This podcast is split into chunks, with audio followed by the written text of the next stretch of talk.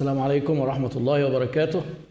أهلا بكم في الحلقة 57 من عيادة الشركات. هنقضيها النهاردة سين وجيم بتوع التحقيق يعني. اللي عنده سؤال بقى إيه يقول وإن بس أنا أستأذنكم في حاجة. يعني اللي يحط سؤال مفيش داعي يحطه copy و paste 116 مرة ورا بعض. لأن ده بيعمل مشكلة جامدة جدا في ال timeline ما بلحقش أقرأ الأسئلة بتتحرك بسرعة جدا. فيعني خلوكوا كده إيه حنينين علينا شوية.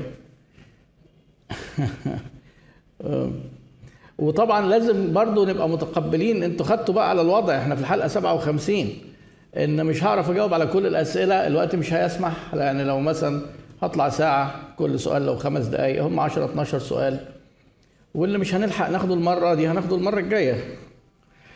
في بعض أسئلة برضو عشان أبقى واضح معاكم أنا بقراها بس مش باخدها لأن أنا ببقى مجاوب عليها ويمكن بدل المرة كذا مرة. فيعني برضو مش عايز حد يبقى زعلان. إزاي الكلام ده بقى؟ الأخ محمد دسوقي بيسأل سؤال غريب. مبرمج شغال لوحده بقاله ست سنين وعامل برنامج كاشير للمطاعم والكافيهات شغال في 300 مكان. ومش قادر يعمل ستارت أب شركة. طب يعني إزاي؟ لا لازم ي... يعني أساسا أصعب حاجة في إنك تعمل شركة إنك تبيع وتلاقي زباين. أسهل حاجة إنك تصرف فلوس وتاخد مكان وتصرف فلوس وتدفع إيجارات وتصرف فلوس وتشتري كمبيوترات. أنت عملت الصعبة. مش عارف تعمل الباقي ليه. ما هو الباقي بقى سهل. يعني هو لازم تعرف إجابة السؤال ليه مش عارف. يعني لأن أنا لو جاوبتك من غير ما أبقى عارف أنت ليه مش عارف يبقى الإجابة برضه هتبقى إيه كلام إيه الصعوبات؟ هل هي حاجة نفسية؟ انت قلقان؟ مش عارف ليه. هل مش عارف هل قلقان لا تسلم الكلام ده لحد يساعدك؟ هل مش محتاج؟ يعني بتبيع كده لوحدك وخلاص. يعني حاولت ومش عارف دي لو سمحت دي محتاجة تحاول تساعدنا وتقول لي ليه مش عارف؟ عشان أحاول أقول لك تعمل إيه. طيب الأخ عبده محمود عبده. أنا لسه واخد الدبلوم بتاعتي يعني وإزاي أقدر أقدم الاستفسارات. حضرتك كده كده في رقم واتساب لخدمة العملاء. في جروب للمشترين الدبلومة ومشتركين فيها. لو أنت واخدها على Udemy في Q and A على Udemy. بتحط السؤال على Udemy وبتيجي السؤال وأنا بجاوبك عليه. يعني يعني ده مش موضوع إن يعني الحاجات دي تكون بتكون واضحة يعني. ما أعرفش ما وضحوش الكلام ده لحضرتك إزاي. لو انت اشتريت كده مباشرة من يوديمي ممكن فعلا ما تبقاش واضح طيب خلاص مش محتاج أنا مكتفي كده وسعيد جدا محمد أهو جاوب على نفسه. أصل أنت بتقول مش عارف ومش يبقى أو مش قادر يعني مش عارف أنا مش فاكر بالظبط أنت قلت إيه اللفظ. معناها إن أنت حاولت وفشلت لكن أنت ممكن تكون مش محتاج. خلاص ما أنا ده أحد الاحتمالات اللي أنا قلتها لك. يبقى أنت ما عندكش مشكلة. يبقى أنت شغال ب efficiency عالية وأنت لوحدك من غير ما تعمل شركة لأن الشركة دي أعباء. شركة يعني فيها organization وفيها تكاليف ومصاريف. لو انت ما عندكش طموح ان الأمور تكبر عن كده وسعيد ومبسوط خلاص قلقان من إيه؟ أبو عمر مفتقد الكتاب اللي ورايا هنجيبه مرة ونحطه يعني يعني إحنا بنحاول نعمل تغييرات يعني لكن هنبقى نرجع ال setup القديم ده برضو بعد فترة إن شاء الله. الديكور القديم أفضل. ماشي okay. يعني بتفتقدوه.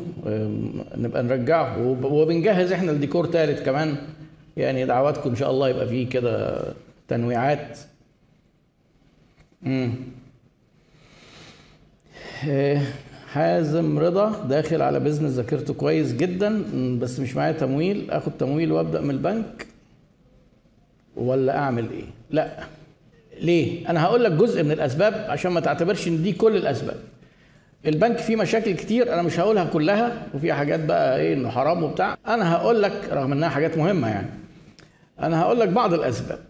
دايما المخاطرة بتبقى عالية في بداية الشركة. دايما. أعلى فترة مخاطرة. وإحنا قلنا الكلام ده كتير. هتضيف لها مخاطرة إن أنت عندك بنك مش شريكك. بنك أنت كسبت أنت خسرت هو بياخد فلوسه بفوائده. خلاص زودت المخاطرة. البنك مش وقته في البدايات لأن أنت بترفع المخاطرة عليك قوي ال- البنك لو كنت هتلجأ له وأنا ما بحبش البنك من أساسه ولا إن إحنا نلجأ له كشركات صغيرة رغم إن الكتب المالية بتقول في الموضوع ده كلام مختلف شوية بس أنا أنا براعي آه، الدين وبراعي ثقافتنا وبراعي خبراتي مع الشركات الصغيرة في مصر. آه، البنك بيخليك تحس إن أنت معاك easy cash وال easy come easy go easy come easy go يعني إيه؟ هي سهلة جت الفلوس سهلة. كنت مزنوق فجأة البنك قام مديك 3 4 مليون جنيه. على طول بقى إيه الأفكار الشيطانية بتيجي وهي اللي بتنتصر في الآخر على فكرة يعني عادة يعني.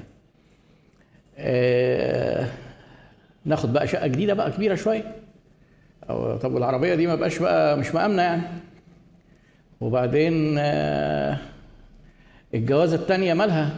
ده, ده جميل. مم؟ يقوم تقوم مفرتك لك شوية فلوس كده. وبعدين تحاول تدخل بقى بالباقي. بتدفع إيه فوائد كل الفلوس مع إن جزء منها هو اللي لسه باقي. آه، مشكلة. الايزي كاش ده مشكلة. فبلاش. بلاش. بلاش دايما نفترض سيناريو واحد ونشتغل عليه. ده أنا هدخل هكسب 20% البنك هياخد 10 وأنا 10 مش عرفك إنك هتاخد 20% اللي هي السيناريوهات المستقبلية اللي هي خلط التوقعات ودي من الخرافات الرهيبة في بدايه ال business في مصر. خلط التوقعات والتمنيات. أنا أتمنى اخد أكسب 25% هل تتوقع؟ لا الله أعلم. ممكن أكسب خمسة وممكن أخسر 10 وممكن أخسر 15 ها؟ دايما الناس ميالة إلى التفاؤل ميالة إلى إنها تشوف واحد بادئ البيزنس بقاله 40 سنة وهو لسه مولود النهارده يتخيل إنه هيبدأ زي اللي بقاله 40 سنة. ويقعد يحسب الحسابات إن هو هيحقق النجاح. وتلاقي شركاء كتير يقعدوا مع بعض يقول لك إيه؟ آه طيب في شريك ما دفعش الفلوس. يا سيدي بسيطة خلاص مش لازم تدفع كل الفلوس. الفلوس الباقية اللي ما دفعتهاش دي هنبقى ناخدها من أرباحك. طب أنت عرفك أصلا إن في أرباح. يعني تقريبا كل شركة بتتعمل فيها الكلام ده. فيها إن واحد يدفع فلوس قليلة واحد يدفع فلوس كتيرة يقول لك طب خليها بقى من الارباح ويفاجئوا إن هم قاعدين بعد فترة بيقفلوا الشركة